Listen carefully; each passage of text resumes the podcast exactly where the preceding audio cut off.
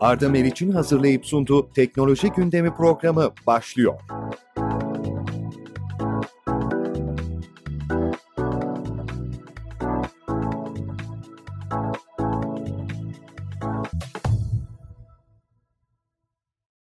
Merhaba sevgili dinleyiciler. Arda Meriç'le Teknoloji Gündemine hoş geldiniz.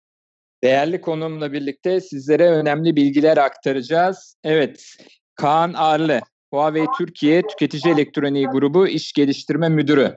Bayağı uzun Kaan aslında title'ın ünvanın. Ee, bakalım bu ünvan neler getiriyor? Hangi konularda bize bilgiler sunacaksın? Senden alacağız. Aslında Kaan uzun yıllardır teknoloji sektöründe yer alıyor ve teknolojiyi yakından takip edenler kendisini tanıyor.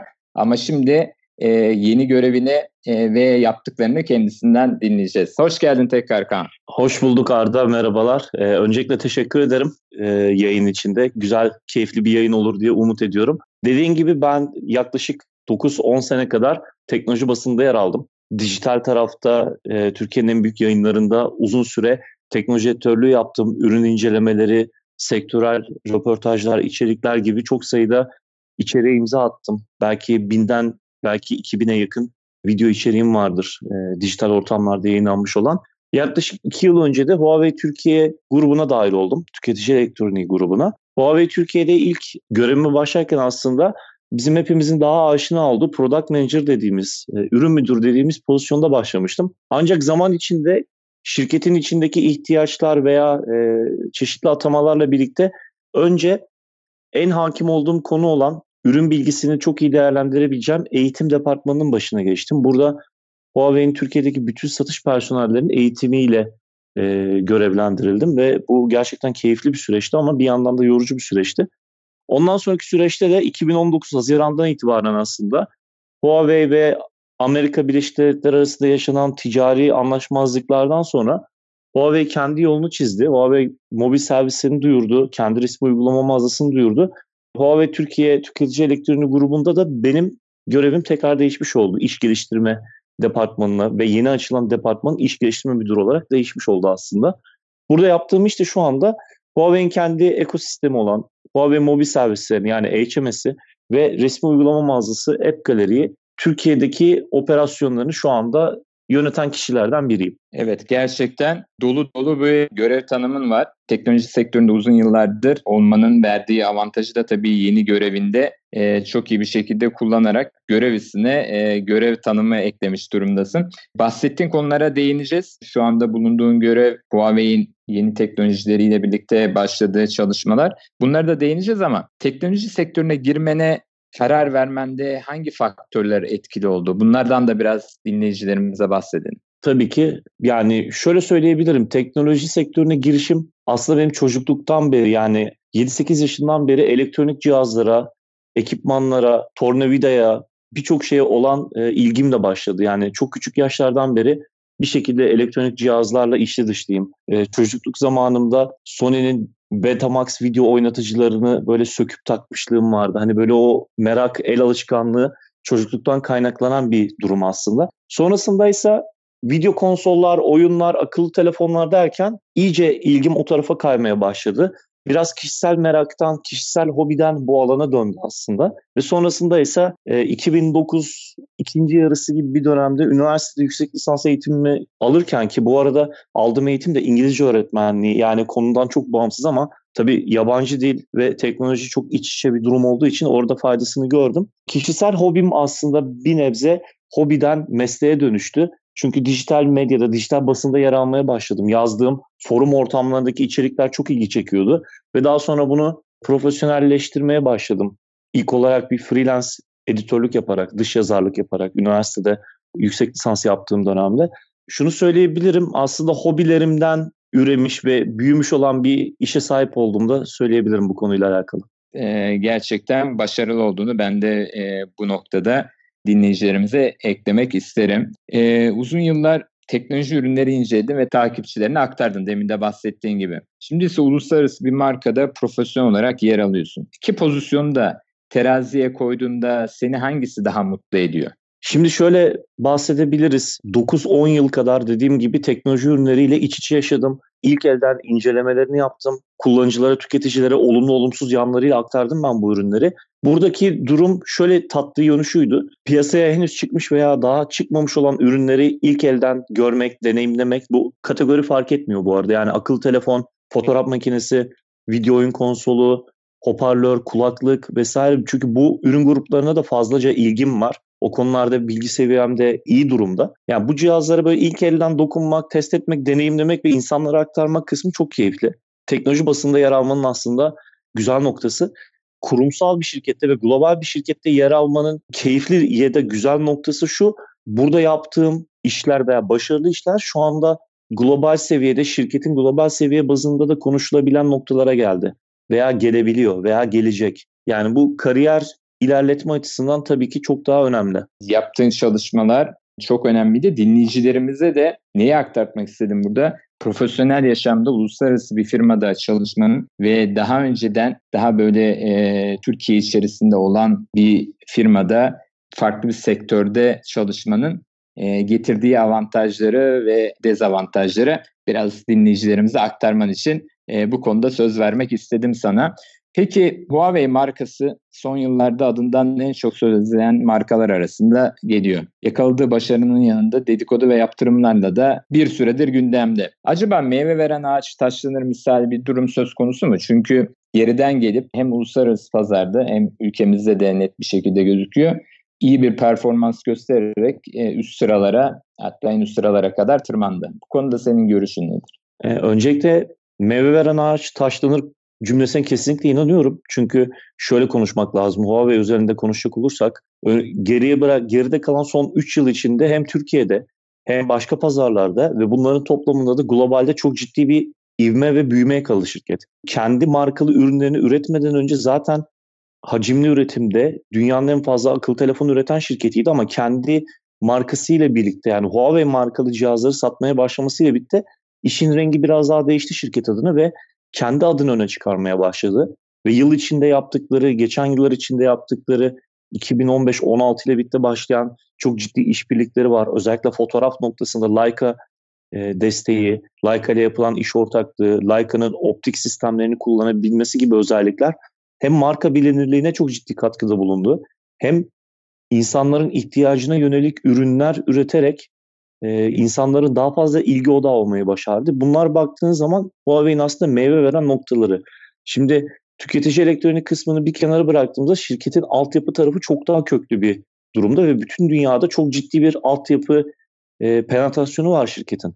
Bunların hepsinin toplamına bakıldığında az önce söylediğimiz noktaya geliyor. Evet meyve veren ağaç taşlanır. Taşlanmaya da devam edecek. Bu hangi marka, hangi sektör, hangi insan olduğu önemli değil. Bu genel olarak olan bir durum. Ancak tabii ki burada e, işin politik noktaları da var. Oralara çok fazla girmeyi tercih etmiyorum ama e, Huawei aslında oradaki politik sebeplerden dolayı da biraz e, hedef tahtasına indi diye, girdi diye düşünüyorum. Tahmin ettiğimiz gibi çünkü dinleyicilerimiz de bunu merak ediyor. Bu e, yaşanan süreçlerde neler olduğunu sen de dile getirdin. Maalesef tüm dünyada olduğu gibi Huawei'de de yaşanan başarılı bir noktaya gelindiği zaman hemen taşlamalar başlıyor. Peki Huawei'in demin de bahsettiğim gibi yalnızca bir üretici ve satıcı değil aynı zamanda ARGE çalışmaları yapan, kendi chipsetini, yazılımını üreten bir marka olarak da dikkat çektiğini söyleyebiliriz ve bununla birlikte diğer Çinli markalardan da ayrıldığı göze çarpıyor. Huawei'in ARGE yatırımları gelişerek devam edecek mi? Şimdi şöyle ARGE noktasında şirket 2019 yılında yaklaşık 19.7 milyar dolar seviyesinde bir ARGE yatırımı yaptı. Bu rakam bir önceki sene 11-12 milyar dolar seviyelerindeymiş yani 2018'de. Bir yıllık yıldan yıla artış çok ciddi seviyede. 2020, 21, 22 bu yılları da düşündüğümüzde Huawei kendi mobil servislerini, yatırımlarını devam ettirecek. Kendi resmi uygulama mağazası, dijital video servisi, dijital müzik servisi. Bunun dışında kendi arama motoru gibi işlevler, akıllı asistanı, sesli asistanı bu tip ARGE çalışmaları devam edecek. Tabii ki işlemci ve görüntü sensörü gibi noktalarda da çok ciddi yatırımları var. Buradaki ARGE artmaya devam edecek, ARGE yükselecek. Bunlar tüketici elektroniğe alakadar eden kısımlar. Ama işin bir de kurumsal veya daha büyük çaplı çalışmalarına bakıldığı zaman Şu an dünyada 5G konusunda lider şirket Huawei ve önümüzdeki yıllarda 5G'nin sonrasında gelecek olan teknolojilerde Wi-Fi 6 burada çok ciddi desteği var. Çok ciddi geliştirmeleri mevcut. 5G'den sonra biz eğer 5.5G, 6G artık ne kullanacaksak orada da Huawei'in imzası her zaman olacaktır. Evet bu 5G noktasına ayrıca parantez açıp değineceğiz. Çünkü Huawei'in yaptığı yatırımların başında geleceğin teknolojilerinde değindiğimiz IoT gibi, akıllı ev sistemleri gibi, otonom araçlar gibi teknolojilerin ortak noktası 5G ve Huawei'in bu noktada yaptığı yatırımlar oldukça fazla. Zaten keza bu yaşanan süreçlerin de bu yatırımların e, Huawei'in oldukça başarılı olması ve önde gitmesi sebebiyle oldu. Benim kişisel yorumum olarak da göze çarpıyor. Bunu da eklemek istiyorum. Peki Amerika'nın uyguladığı ambargo açık bir şekilde telefon satışlarına etkiledi tüm dünyada. E, liderliğe oynarken biraz hız kesmek zorunda kalındı. Ancak bunun yanında kötü e, ev sahibi kiracısını mülk sahibi yaparmış misali bir anda HMS ortaya çıktı. Dinleyicilerimize e, Türkiye'nin en çok dinlenen iş radyosu da bu HMS'yi açıklayalım. HMS nedir? Tabii ki. Şimdi katılıyorum kesinlikle. Huawei ev sahibi oldu artık bu yaptırımlardan sonra.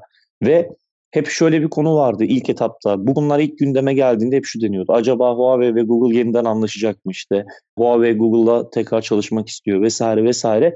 Bu konularda e, rüzgar terse döndü.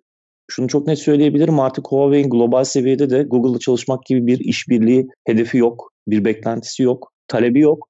Ama basında da yabancı kaynaklı basınlarda da gördüğümüz üzere şu an Google tarafında böyle bir imtiyaz talebi var hükümete karşı, Amerikan hükümetinden. Biz Huawei ile çalışmak istiyoruz şeklinde bir talebi olduğu söyleniyor. Ne kadar doğrudur bilmem ama Huawei tarafında böyle bir beklenti yok artık. Çünkü kendi evini, kendi binasını kurdu şirket. HMS dediğimiz Huawei mobil servislerini hayata geçirdi. Huawei mobil servislerini tüketici ve geliştirici şirket noktasında ikiye ayırmak gerekiyor. Önce tüketiciden bahsetmek lazım. Bugün telefonlarda en çok kullanılan resmi uygulama mağazası Google Play Store bizim 2020 ve sonrası cihazlarımızda yer almayacak. Ama bunun yerine cihazlarımızda App Gallery dediğimiz Huawei'in kendi resmi uygulama mağazası var. Bu resmi uygulama mağazasıyla birlikte artık Huawei kullanıcılarına veya Huawei sahibi insanlara uygulamaları bu mağaza üzerinden sunacak. Çok kısa bir sürede sadece bir bir buçuk yıllık bir sürede dünyanın en büyük üçüncü resmi uygulama mağazası olma özelliğini kazandı bu resmi uygulama mağazamız. Bu kısım çok önemli çünkü tüketiciler arasında biz uygulamaları nereden indireceğiz gibi sorular e, dönüyor, konuşuyorlar ve bunun cevabı şu anda Huawei App Gallery. Dünyada yaklaşık 500 milyonluk aktif kullanıcı sayısına ulaştı. Huawei App Gallery. Yaklaşık 1.2-1.3 milyon geliştirici şu anda App Gallery'de uygulamalarıyla alakalı çalışmalar yapmaya devam ediyor. Buna ek olarak akıllı telefonlarda kullandığımız mobil tarayıcılar, bulut yedekleme servisleri vesaire gibi çözümlerin tamamının artık bir Huawei versiyonu mevcut. Huawei Browser, Huawei Cloud depolama için, Huawei Müzik, Huawei video servisleri yani bakıldığı zaman tüketiciyi alakadar edecek birçok alan burada mevcut. Asistanına kadar Huawei asistan ve yeni duyurulan sesli asistan Celia ile birlikte bu taraf e, tüketici elektronik tarafına temas ediyor. Geliştiriciler noktasında da Huawei mobil servisleriyle biz şunu sunuyoruz geliştiricilere. Bugün birçok uygulama konum servisi veya push notification servisi gibi en çok kullandıkları API seviyesindeki nitelikleri veya fonksiyonları Google'dan sağlıyor. Yani Google'ın kaynak kod, Google'ın API'lerini kullanarak bu işleri yapıyorlar ve biz Huawei mobil servisleri kapsamında geliştiricilere bu servislerin Huawei versiyonlarını sunmaya başladık yaklaşık bir yıllık süreç içinde. Burada şunu söyleyebilirim.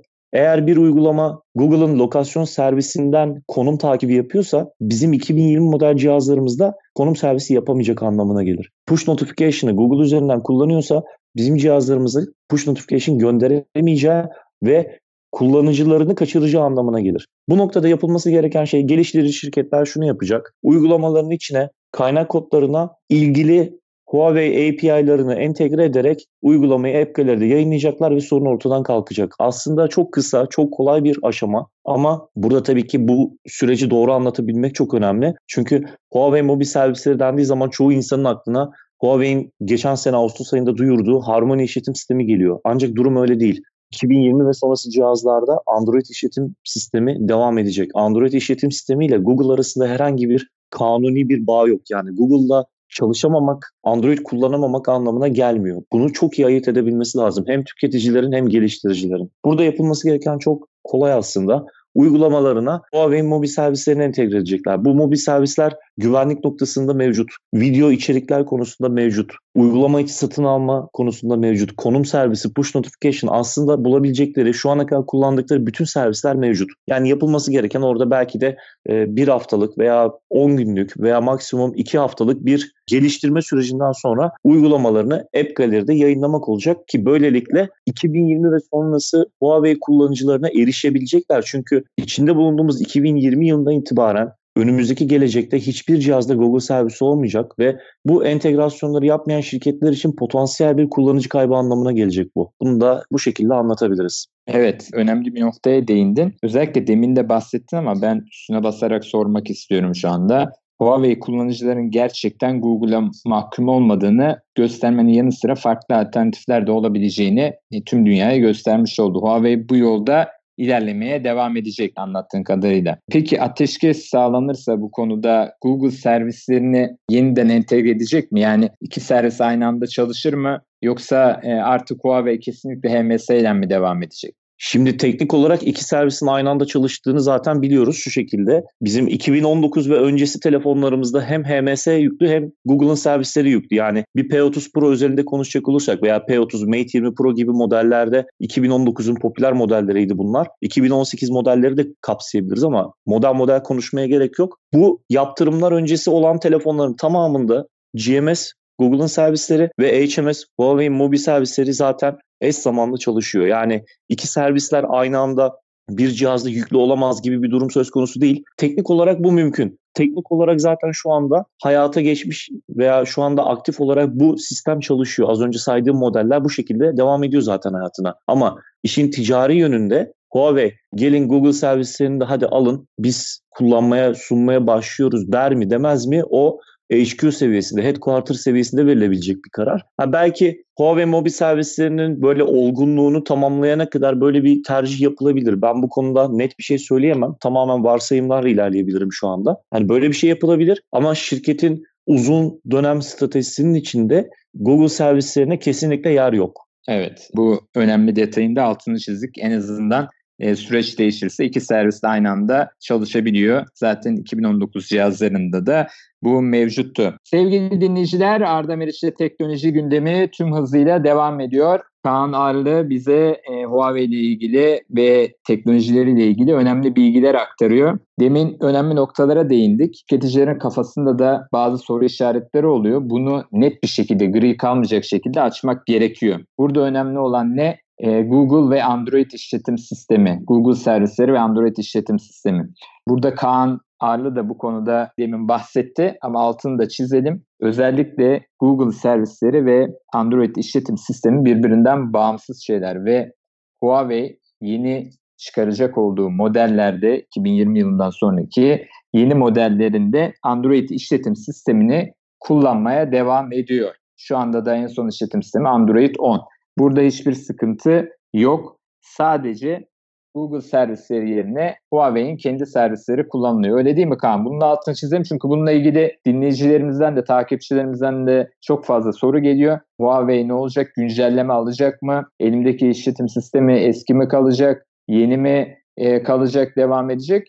Bunun altını özellikle çizmek istedim çünkü e, biz biliyoruz ama yetkili ağızdan da bunun bilgisini paylaşalım.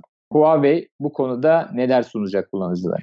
Evet şimdi Android ve Google'ı ikiye ayırmak lazım. Çünkü kullanıcıların kafasında Google eşittir Android şeklinde bir denklem var ve maalesef bu doğru değil. Bu çok çok yanlış bilinen bir bilgi.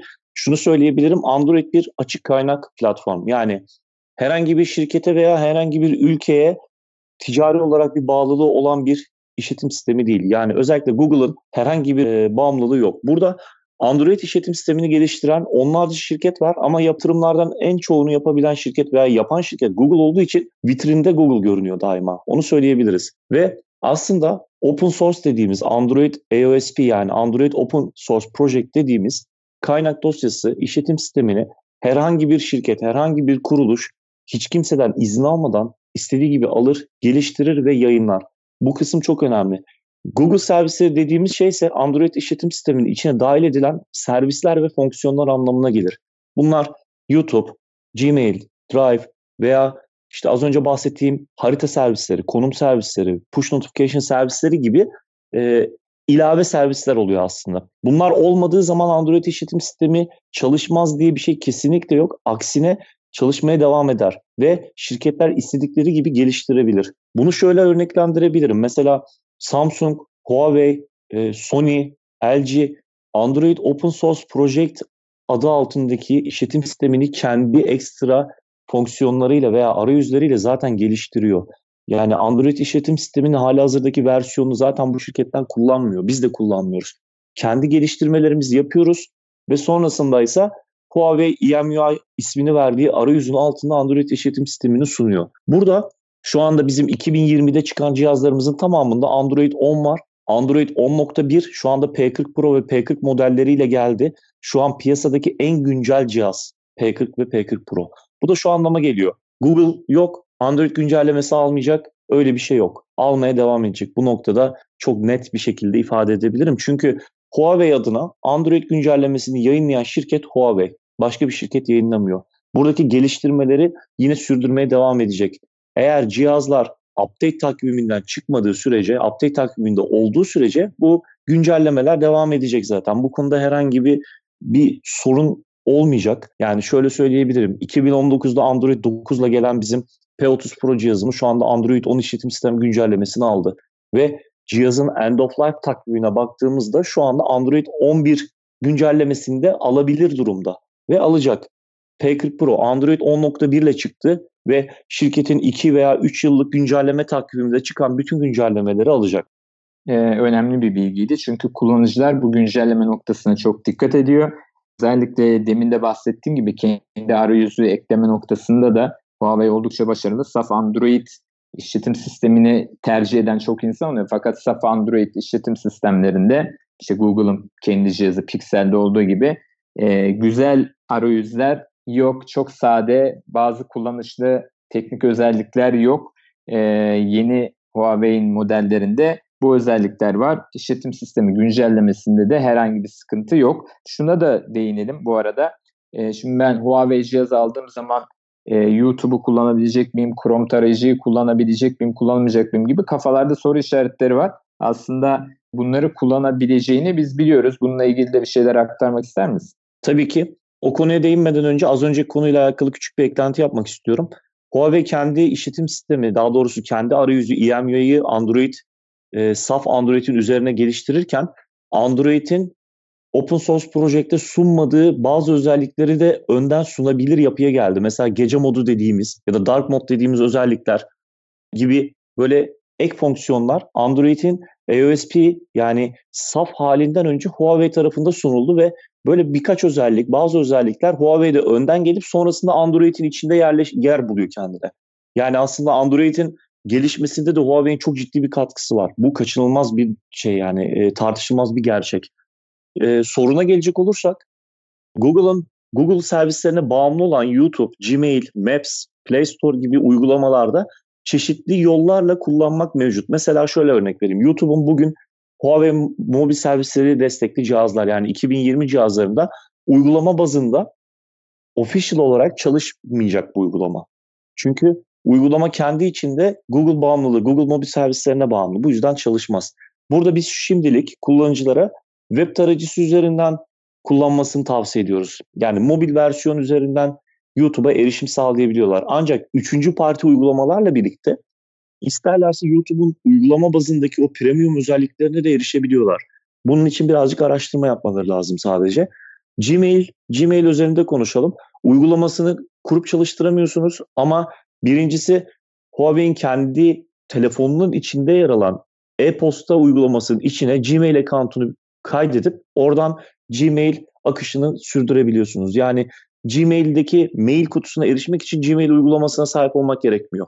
Yani e-posta uygulamasında bunu kayıt yaptığınızda, orada bir oturum açtığınızda bunu kullanmaya devam edebiliyorsunuz. Chrome tarayıcısının herhangi bir bağımlılığı yok. Chrome tarayıcısı çalışıyor ancak orada login fonksiyonu çalışmadığı için geriye dönük sık kullanılan pencereler, history gibi kayıtları eski cihazınızda senkron edemiyorsunuz. Böyle bir durum var. Google'ın haritalar servisi Maps, Google Maps çalışıyor. Navigasyon için kullanabiliyorsunuz ama yine orada login fonksiyonu çalışmadığı için yer imleri veya eskiden kayıt edilen noktalara erişim sağlanamıyor. Ama bunun dışında diğer tüm özellikleriyle kullanılabiliyor. Bu şekilde aslında Google'ın servislerinin de tamamen çalışmaz olduğu yanlışını da ortadan kaldırabiliriz bence. Tabii zaten e, burada mantık olarak da sonuçta Google bu servisleri diğer işletim sistemi, rakip işletim sistemi iOS içinde sunuyor. iOS'ta kullanılan uygulamalar mutlaka farklı sistemlerde de, farklı işletim noktalarında da kullanılabilir. Ama yine de açmak istedik. Çünkü bu hep kafada soru işareti oluyor. Bu konuda bir kaygıya gerek olmadığını senin ağzından da aktarmak istedim. Ee, şimdi önemli bir noktaya değindik HMS. Bununla ilgili geliştiricilere de aslında bir kapı açılmış oldu. Geçtiğimiz günlerde Developer Day düzenlenmişti ve burada 50 milyon TL'ye yakın bir e, primden bahsedilmişti. E, şimdi App Gallery lokal kullanıcılar için de bir önem taşır hale geldi. Bu konuda da iş geliştirme müdürü olarak yani bu işin iş geliştirme müdürü olarak da e, önemli noktalarına değinir misin? Tabii ki biz Huawei Developer Day etkinliğini global seviyede yaptık. Yani Türkiye'nin dışında 18-20 ülkede de bu Developer Day gerçekleşti. Biz de Türkiye'de Şubat ayı içinde gerçekleştirdik Huawei Developer Day ve ilk kez böyle bir etkinlik yaptık. Çünkü geriye bakıldığında hem basın tarafında hem de tüketici tarafında Huawei'nin genelde ürün lansmanları yani fiziksel ürünler, bilgisayar veya cep telefonu gibi ürünlerin lansmanları hep ön plana çıkmıştı.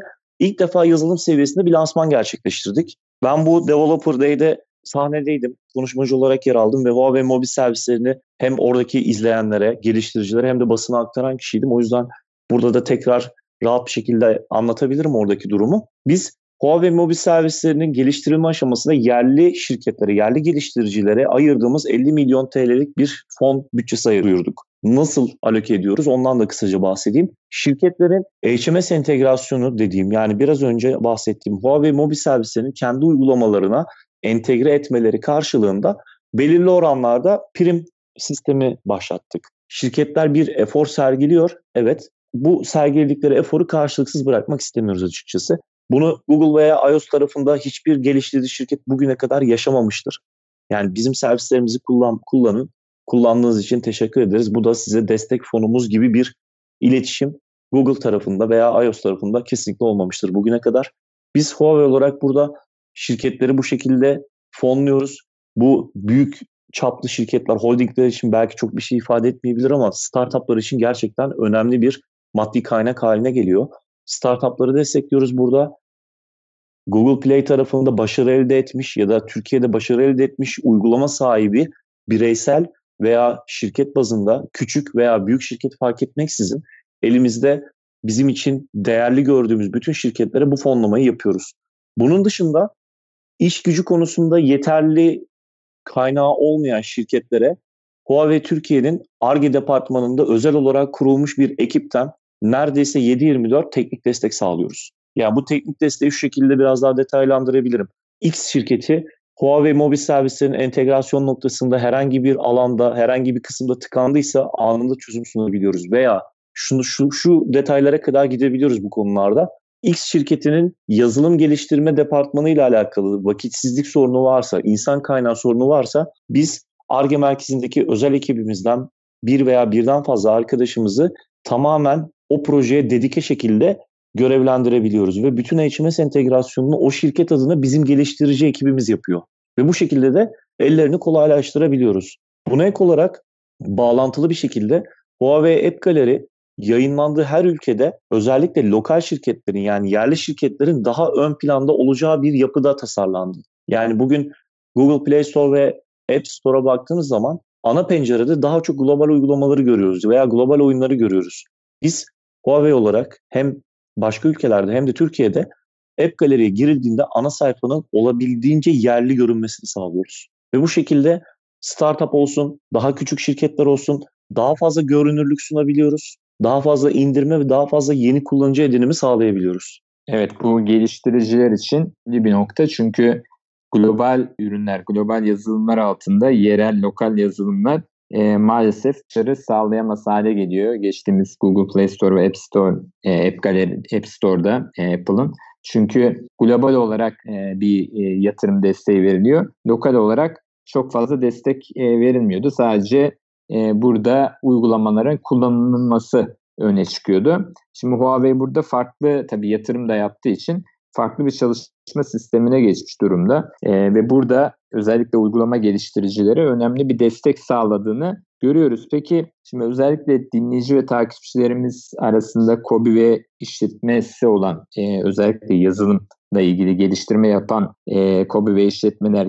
bu konuda gelir elde edebilir mi? Yani gerçekten bu konuya eğildiği zaman bir gelir elde etme imkanı var mı? Artı bu imkanı sağlamak için nasıl HMS'ye ulaşabilir? Yani nasıl bir prosedür e, izlemesi gerekiyor bu geliştirici Şöyle, seviyesinde olması için? Şöyle bahsedebilirim. Ee, öncelikle developer.huawei.com adresinden bir geliştirici hesabı açılması gerekiyor. Burada ücretsiz bir şekilde geliştirici account'unu oluşturabiliyorlar, hesabını oluşturabiliyorlar ve sonrasında yine aynı domain altında yani developer.huawei.com slash hms dedikleri zaman bütün servislere burada erişim sağlayabiliyorlar. Yani bütün SDK'larımız ücretsiz olarak indirilmeye ve kullanılmaya açık. Yani buradaki SDK'lara erişip kendi uygulamalarında çalışmalarını sürdürebiliyorlar. Bizim buradaki e, duyurduğumuz prim ve fon kısmından faydalanmaları için de bizimle yani Huawei Türkiye ekibiyle iletişime geçmiş olmaları gerekiyor. Ve bizim bazı aradığımız kriterler var. Bu kriterleri karşıladıkları noktalarda biz finansal olarak küçük büyük demeden bütün şirketlere belirli oranlarda bütçe sağlayabiliyoruz. Yani bir finansal destek sağlayabiliyoruz. Bunu iki modelle üretiyoruz. Birincisi nakit yaptığımız ödemeler yani gerçek para ödemesi. İkincisi ki bizim ekosistemimizde veya App Gallery ortamında kullanabilecekleri dijital olarak yaptığımız bir para ödemesi. Bunda da kendi uygulamalarının promosyonlarını bizim verdiğimiz o bütçeyle birlikte sağlayabiliyorlar. Yani ekstra bir promosyon bütçesi kullanmadan bizim onlara sunduğumuz ek bütçeyle çalışmalarını sürdürebiliyorlar. Verdiğim bilgiler önemli burada çünkü ücretsiz geliştirici hesabı açılabilir olmasının bilgisini aktarıyoruz. Ee, bazı işletim sistemlerinin e, uygulama mağazaları e, yıllık ücretse de tabi olabiliyor e, bildiğimiz kadarıyla. E, ama burada ücretsiz geliştirici hesabı açılabiliyor. E, size ulaştıkları zaman da e, yazılım geliştiriciler yazılım geliştirme desteği veriliyor. Bu da önemli bir nokta çünkü e, çok fazla gelişim göstermek isteyen geliştiriciler oluyor. Ortada kalıyordu. Hatta aslında bu uygulama mağazası App Gallery'nin bir reklam noktası olduğu da e, bir gerçek. Çünkü push notification özelliği var. Senin uygulamanı e, çok fazla kişi kullandığı zaman o kadar kişiye erişi, erişebilir hale geliyorsun. Örneğin bugün e, sizin uygulamanızı 200 bin kişi kullanıyorsa 200 bin noktaya push notification'la bilgilendirme yapabiliyorsun. Öyle değil mi Kaan? Bunu da Doğru. biraz aç istiyorsan. Doğru. Yani bu konuda şunu söylemek lazım. Bizim servislerimizi ne kadar kullanırlarsa o kadar Huawei kullanıcısına erişebilecekleri anlamına geliyor. Bu doğru. Ve ek olarak şu anda bizim eski cihazlarımızda Google servisleri mevcut olduğu için Google servislerine sahip olan Huawei kullanıcılarına zaten şu anda erişebiliyorlar. Ama 2020, 21, 22 yıllarında ve sonrası yıllarda Huawei servislerini kullanmadan Huawei kullanıcılarına erişmeleri mümkün olmayacak. Evet dolayısıyla zaten bu yönde gelişim gösteriliyorsa aslında bir üçüncü e, uygulama mağazası olarak da e, mutlaka e, çalışılması gerekiyor. Çünkü ileriye dönük hem yatırımları olan bir firma hem de gelişime açık bir uygulama mağazası olduğu için arkadan da geldiği için biraz diğerlerine göre kullanıcılara da çok fazla avantaj sağlayacaktır. Bu konudaki bilgileri de bu sebeple dinleyicilerimize ve takipçilerimize aktarmak istedik. Aslında Huawei sadece akıllı telefon üretimi değil, baz istasyonu özellikle de 5G'de Huawei'nin çok başarılı proje ve çalışmaları olduğunu biliyoruz. Bunlara da biraz değinir misin? Tabii ki 5G noktası zaten şu an Huawei'nin belki de global anlamda yaşadığı sorunların kaynaklarından bir tanesi. Yani 5G teknolojisinde rakiplerinin e, daha önünde ilerliyor oluşu ve dünyada çok ciddi bir kapsama alanı yani kapsama alanından kastım şu 5G altyapısının penetrasyonu anlamında, penetrasyon anlamında çok ciddi noktalara ulaşmış olması Huawei'in aslında 5G tarafında ne kadar iyi olduğunu veya işte ne kadar başarılı olduğunu gösteren ilk kanıtlardan biri olarak söyleyebiliriz. Türkiye'de de yine 5G noktasında Huawei'in çok ciddi imzaları olacak. Ama oradaki detaylara şu sebepten dolayı çok benim girmem doğru olmayacaktır. Ben tüketici elektronik tarafında yer aldığım için ve 5G altyapı veya altyapı konusundaki anlaşmalar bizim Carrier Network Business Group dediğimiz yani altyapıyla alakalı bir iş birimimiz, iş grubumuz olduğu için o tarafın daha hakim olduğu yerler. Ama şöyle söyleyebilirim özetle hem kurumsal bazda hem de tüketici bazında 5G adının geçtiği her yerde görünen veya görünmeyen bir Huawei imzası yer alacak. Evet. 5G tarafındaki çalışmaları da yakından takip ben de ediyorum. Gerçekten başarılı çalışmalar var. Dediğin gibi zaten e, şu an yaşanan sorunların da başında 5G geliyor. Başarısı geliyordu. En azından kısaca bilgisini de aktarmış olduk. Sevgili dinleyiciler Arda Meriç'le teknoloji gündemi tüm hızıyla devam ediyor. Huawei Türkiye Tüketici Elektroniği Grubu İş Geliştirme Müdürü Kaan Arlı konuğum ve Huawei hakkında tüketicilerin, takipçilerimizin, dinleyicilerimizin merak ettiği birçok soruya e, cevap veriyor. İleriye dönük çalışmaları ile ilgili Huawei'in bilgiler veriyor. Şimdi 5G'den akıllı telefondan bahsettik. Huawei'in diğer tüketici elektroniği grubunda tablet, akıllı saat, giyilebilir teknolojiler de var. Şimdi bunları derken bir de bu sırada Huawei notebooklar ortaya çıktı. MateBook e, adı altında. Özellikle de Huawei telefonla akıcı bir şekilde entegre çalışıyorlar. E, diğer ürünleriyle birlikte bir ekosistem oluşmaya başlıyor. Huawei bilgisayar alanındaki ağırlığını arttırmak istiyor mu? Şimdi biz geçtiğimiz yıl MateBook adıyla zaten Türkiye'de ilk dizüstü bilgisayar ailemizi tanıtmıştık ama çok ciddi satış hedefi olan, çok ciddi satış adedi hedeflenen bir ürün grubu değildi. Ama 2020 ile birlikte MateBook ailesi güncellendi. Yeni özelliklere, yeni tasarıma ve yeni donanımlara sahip oldu. Artık daha fazla penetrasyon yapmayı hedefliyoruz dizüstü bilgisayar tarafında. Tabii ki akıllı telefondaki kadar çok iddialı cümleler şu an için kurmaya gerek yok ama uzun vadede şunu söyleyebiliriz. Biz dizüstü bilgisayar ailemizi geliştirmeye devam edeceğiz. Daha fazla satmayı hedefliyoruz tabii ki. Burada bizim MateBook serisiyle avantajımız şu. Bir ekosistem oluşturma adına akıllı telefonlarımızla birlikte dizüstü bilgisayarları daha sık ve daha efektif haberleşebilir hale getirdik. Bunu da yaparken multi-screen collaboration dediğimiz bir özellikten faydalanabiliyoruz ve bu dünyada ilk kez Huawei tarafından kullanılan bir özellik. İki cihaz yani bir akıllı telefon ve Huawei dizüstü bilgisayar her iki ürününde Huawei olması önemli bu noktada. Kablosuz bir bağlantı kurarak akıllı telefonun ekranını bilgisayar ekranında kullanabilir hale geliyoruz. Yani gün içinde telefona bakma ihtiyacımızı ya da telefonu olduğu yerden elimize alma ihtiyacımızı tamamen ortadan kaldıran bir durum oluşturuyor bize. Çok ciddi bir zaman avantajı üretebiliyor ve üretkenlik veya verimlilik konusunda daha fazlasını sunabiliyoruz bu özellikle birlikte. Çünkü telefona dokunmuyoruz birincisi. Telefonun ekranı sürekli bilgisayarda karşımızda açık. Telefondaki bütün işlemleri klavye mouse kullanarak yönetebiliyoruz ve işin güzel noktası şu bilgisayardan telefona veya telefondan bilgisayara mouse imlecini sürükle bırak kadar basit bir hareketle birlikte dosya transferleri veya veri transferleri sağlayabiliyoruz. Bu özelliklere bakıldığında bilgisayar ve telefonların Huawei markalı olması ve o senkronlu çalışabilme becerisi hem telefonları hem de bilgisayarları aynı anda e, ivmelendirecektir diye düşünüyorum. Evet bu e, önemli bir konu.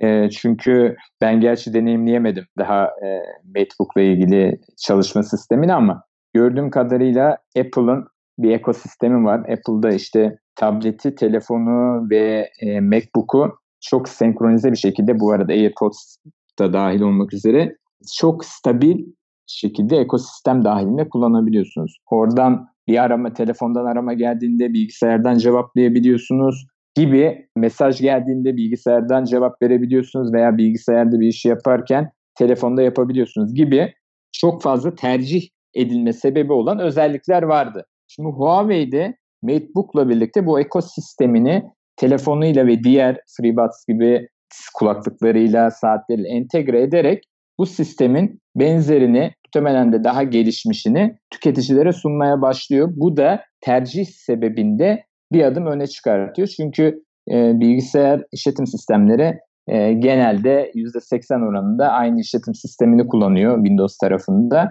E, dolayısıyla Windows kullanmak isteyen insanlar böyle bir seçeneğe sahip değildi. Çünkü bir üreticinin e, tüm noktada ürünleri yok. Ama MacBook tarafında e, farklı bir işletim sistemi olduğu için işte macOS ve iOS e, onu tercih etmek istemeyenler dahi onu tercih etmek zorunda kalıyordu ama şimdi Huawei'in geliştirdiği ekosistemle bir Windows tabanlı bilgisayarı Huawei MateBook'unu çok e, senkronize bir şekilde ekosistem dahilinde telefonla birlikte veya tabletle birlikte kullanılabilir hale geliyor. Tabii ki daha da gelişecektir bu öyle değil mi? Kesinlikle bu gelişmeye devam edecek. Burada şunu da söyleyebiliriz. Az önce bahsettiğim senaryo bilgisayar, telefon, telefon, tablet gibi ürün grupları arasında da devam ediyor. Yani yeni nesil tabletlerimizde de benzer özellikleri sunabiliyoruz, sunacağız ve ilerleyen dönemlerde çok daha fazlasını da sunmayı hedefliyoruz. Yani sadece e, az önce örneğini verdiğim işte MacBook'la iPhone'un aynı anda telefon geldiğinde uyarı vermesi bizim şu an multi-screen collaboration'da sunduğumuz özelliğin yanında birazcık e, basit kalıyor. Çünkü şöyle söyleyeyim. Örnek veriyorum bir PowerPoint ya da bir Excel projesi çalışıyorsunuz bilgisayarınızda ve telefonunuzdan almanız gereken bir dosya var. Burada multi-screen collaboration aktifken telefonun içindeki galerideki o görseli veya datayı sadece mouse'la sürükleyip Excel'e veya PowerPoint dosyasının projesinin içine sürüklediğinizde yerleştirmiş oluyorsunuz. Yani çok çok daha pratik, çok çok daha efektif bir kullanım sağlıyor diyebilirim buradaki süreçler için. Tabii ki ilerleyen dönemlerde daha da artmaya devam edecek. Bu sadece başlangıç. Dediğim gibi bana ulaştığı zaman ben de e, bu deneyimlemeyi e, dinleyicilerimize özellikle aktaracağım. Çünkü insanlar bunu merak ediyor ve arıyorlar. Yani e, bu Mac kullanmak istemeyenler, Mac işletim sistemi e, böyle bir e, lükse sahip değildi. E, aslında lüks de demeyelim bir konfor çünkü yaptığınız iş kesilmeden farklı bir noktadan devam edebiliyorsunuz. E, bu aslında bir ihtiyaç özellikle iş e, noktasında kullananlar için dinleyicilerimizin çoğu kobi e, ve iş sahibi olduğunu düşünürsek bu noktada kullanılan ürünler çok önemli. Peki gelişen bir nokta daha var. E, bireysel kullanımda, iş kullanımında bilgisayarlar var. Bir de son yıllarda oyun bilgisayarları oldukça öne çıkmaya başladı. Tüm markaların aslında oyun bilgisayarı var. Hatta iş bilgisayarından ve kişisel kullanımdaki bilgisayardan daha fazla oyun bilgisayarlarını öne çıkarmaya e, gayret ediyorlar. Huawei'in oyun bilgisayarı alanında bir çalışması olur mu tüketicilere sunacağı? E, şu an için oyun yani hardcore bir oyun bilgisayarı üretmek gibi bir yol haritamız yok. Şirketin buradaki hedefi daha çok iş, profesyonel hayat ve üretkenlik konusunda daha fazla penetrasyon sağlamak. Ama tabii ki bunun 2-3 yıl sonrasında bir oyun kategorisinde bilgisayar çıkar mı bilmiyorum ama hani şu an için premium segmentteki ürünlerin tamamı daha fazla daha profesyonel hayata yönelik. Peki ekosistem önemli bir konu. Bir markanın ürünlerinin ürettiği diğer ürünlerle entegre ve stabil çalışması kullanıcıların markaya olan bağlılığını da arttırıyor ve ürün seçimlerine etki ediyor. Huawei ekosistemi yavaş yavaş istenilen noktaya geliyor Yani şöyle biz bu projeye bir yıl için bir yaklaşık bir yıl önce başladık. Yani bir yıl dahi olmadı. Şöyle söyleyeyim net olarak başladığımız tarih aslında Eylül başı gibi bir durumdu. Ancak Eylül'den Nisan sonuna kadar aldığımız aşama, kat ettiğimiz yol gerçekten çok etkileyici. Hani hem yerel bazda hem global bazda çok etkileyici ki az önce konuşmanın biraz öncelerinde bahsettiğim geliştiricileri alakadar eden Huawei mobil servisleri bu push, notification, analytics, uygulama içi satın alma vesaire 30'a yakın servis sadece bir yıl içinde hazır hale getirildi. Ve burada rakip tarafa baktığımızda, Google tarafına baktığımızda 10 küsür yıllık bir çalışmadan bahsediyoruz. 10 küsür yıllık bir çalışmanın yerini değiştirebilecek servisler bugün bir yılda hazır hale geldi diyebilirim. Evet, %100... gerçekten başarılı bir e, çalışma olduğunu ben de gözlemlerimle söylemek istiyorum. Çünkü çok kısa bir sürede cevap verildi e, bazı e, aksiyonlara karşı. E, güzel bir noktaya değindin. Peki e, Google'ın şu anda son dönemde yurt dışında ülkemize gelmedi ama Stadia'sı var. Nvidia'nın da farklı bir sistem var. Online oyun platformları var. Oyun bilgisayarlarına şu an için girilmesi planlanmıyor ama cloud'daki bir oyun platformu çalışması olabilir mi ilerleyen dönemde? Cloud'da yani bulut ortamında oyun çalışması belki ikinci, üçüncü aşamalarda olacaktır ama şu an için şirketin önceliği bu değil. Huawei mobil servisleriyle entegre olarak şu anda şirketin öncelikleri arasında kendi reklam serverları, kendi reklam platformunu geliştirme aşamaları var. Bu noktada da çok hızlı ilerliyoruz. Yani Huawei bugün bakıldığında şimdi işte Google Play Store gitti, App Gallery geldi şeklinde değil. Tam anlamıyla bir ekosistemi oluşturmak adına geliştiricilere destek sunuyor.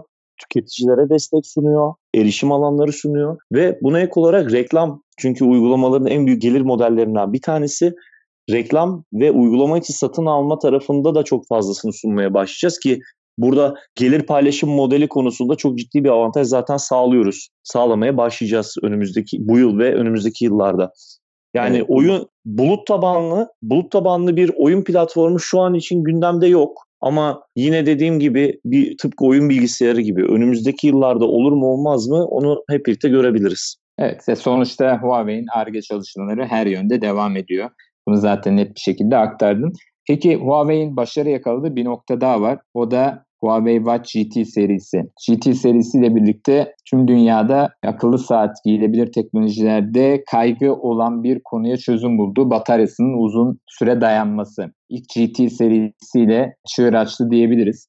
GT2 ile birlikte konuşma özelliğinin de eklenmesi, handsfree özelliğinin de eklenmesiyle ve biraz daha işlemci ve gücünün arttırılmasıyla kendine daha da geniş bir yer bulmaya başladı. Arkadan GT2, GT2E modelleri geldi. Sportif, klasik tarzda modeller. Bu modellerin yakaladığı başarının yanında yeni modeller de birbiri ardına geliyor. Farklı saat tasarımlarına da yönelecek mi e, Huawei? Şimdi Watch GT 2 ve Watch GT serisiyle Watch GT 2, Watch GT 2e modelleri özellikle dediğin gibi kullanıcıların bir akıllı saat tarafındaki en büyük şikayetini tamamen ortadan kaldırdı. İki haftalık pil ömrüyle ki şöyle bir şey var ben akıllı saatimi şarj etmeyi unutup yol ortasında şarjımın bittiği dönemlere denk geliyorum ama burada saatin bana şarj etme ihtiyacını unutturmasından kaynaklı bir durum bakıldığında. Ama tasarım noktasında yine bilgisayarlarda olduğu gibi, ihtiyaçlarda olduğu gibi daha saat gibi görünen ürünlere şu an ilgi daha fazla. Çünkü insanlar hani hem klasik saate benzesin. Ben evet bir akıllı saat kullanıyorum ama bunu klasik bir kıyafetimle de giyebileyim, takabileyim ihtiyaçlarında e, birazcık tercihlerini yöneltiyorlar. Bu trendlere yönelik şu an hareket ediyor şirket. Yani şöyle Watch GT 2 modeline baktığımızda özellikle deri kordonlu versiyonuyla veya siyah veya gümüş renkli kasasıyla bugün klasik kıyafetler içinde çok güzel kendine bir yer bulacak bir dizayna sahip. Ancak Watch GT 2e modeline baktığımızda daha spor, daha estetik veya kordon yapısıyla biraz daha smart casual veya spor giyinen insanlara doğru hedeflendiğini görüyoruz. Ama saatin yuvarlak kasa tasarımı değişir mi? O biraz radikal bir değişiklik olabilir. Yani belki 2021'de görebiliriz bunu. Evet gerçekten Huawei'in saat anlamında yakaladığı başarı, telefonlarında geleceğiz. Saat anlamında yakaladığı başarı çok üst düzeyde. Çünkü ben şahsen Android Wear, e, Samsung Tizen işletim sistemlerinin cihazları, iOS işletim sistemli cihazları WatchOS olarak kullanıyorum. Huawei'inkini de kullanıyorum. Huawei'in kendi işletim sistemli ürünü. E, gerçekten Huawei'in işletim sistemli ürünü yani özellikle GT2 diğerlerinden çok farklı. Çünkü kullanıcının neyi eksik olduğunu çözmüş. Yani kullanıcının e, özelliklerde neyin eksik olduğunu çözmüş. Hepsinde çok fazla özellik var ama en önemli özellik saat olarak kullanabilmek ve bataryasının uzun gitmesi asıl önemli noktayı tamamlıyor. Huawei burada e, GT'deki başarısını GT2'ye eklediği özelliklerle ve 2E'de sportif tarzıyla e, her türlü kullanıcıya sunmuş durumda. Bunun yanında saat yanında bir de kulaklıklar var. Kulaklıklarla da fiyat performans alanında bir başarı yakalandı. Bu konuda biraz bahseder misin? Yeni ürünler geliyor mu? Tabii ki. E, kulaklık noktasında FreeBuds ailesi gerçekten güzel bir ilgi gördü. Özellikle fiyat performans noktasında ve e, sunduğumuz fiyat ve fayda dengesi noktasında gerçekten iyi işler sunuyor. Bunların başında Active Noise Cancelling dediğimiz özellik, uzun tek kullanımlık, uzun şarj süresi veya kablosuz şarj özellikleri gibi seçeneklerle FreeBuds 3 oldukça ilgi çekti ve fiyatı da şu anda e, rakiplerine kıyasla oldukça per, iddialı bir seviyede. FreeBus ailesi devam edecek. Yeni modeller gelmeye devam edecek. Segment ayrımı yapılır mı konusu için şu an net bir şey söylemem zor. Yani bir Pro veya bir Light model gibi yeni bir aile devam eder mi bilmiyorum ama FreeBus ailesinde yolumuz devam edecek. Evet FreeBus da başarılı gerçekten. Ben de tabii bunları teknoloji e, e, uzmanı olarak test ediyorum. Test ettiğim ürünler içerisinde AirPods Pro'ya en yakın olan hatta e, noise cancellation özelliğiyle başa baş giden ürünler Huawei'den geliyor. Aslında bu alanda da saat alanında da rakiplerini oldukça ezmiş durumda. Bunu net bir şekilde söyleyebilirim. Diğer alanlarda yaptığı çalışmaları da büyük bir dikkatle izliyoruz. Peki en son gelen bombanız P40 serisi. P40 Pro, P40 ve P40 Lite. Aslında 3 noktada tüketiciye değen ürünler. E, bunlardan biraz bahseder misin? Tabii ki. Şimdi P40 ailesi bakıldığında global seviyede 4 modelle duyuruldu. Bunlar P40 Lite, P40, P40 Pro ve P40 Pro Plus dediğimiz modeller. Ve Türkiye'de şu anda P40 Lite, Pro ve P40 modelleri satışa çıktı. Pro Plus globalde de henüz satışa başlamadı ancak Haziran belki Haziran ilk hafta veya ikinci hafta gibi globalde satışı başlar. Eş zamanlı olarak Türkiye'de de gelmesi e, bekleniyor şu anda net bir şey söylememekle birlikte. Biz P40 Lite ve P40 ailesiyle birlikte kullanıcılara orta segmentte de daha iyi fotoğraf çekebilme, daha uzun pil süresi sunabilme becerilerine sahip bir model tanıttık P40 Lite ile birlikte. Bunu nasıl yaptık? Cihazın arka tarafında dörtlü kamera dizilimine geçtik. Ana kameramız yapay zeka desteğiyle birlikte güçlendirilen 48 megapiksellik bir sensöre sahip. Ama burada sadece çözünürlük bir fotoğrafın iyi olduğunu belirten bir kriter değil. Hani o yüzden 48 megapiksel vurgusu yerine burada görüntü sensörü üzerine daha fazla konuşmak lazım.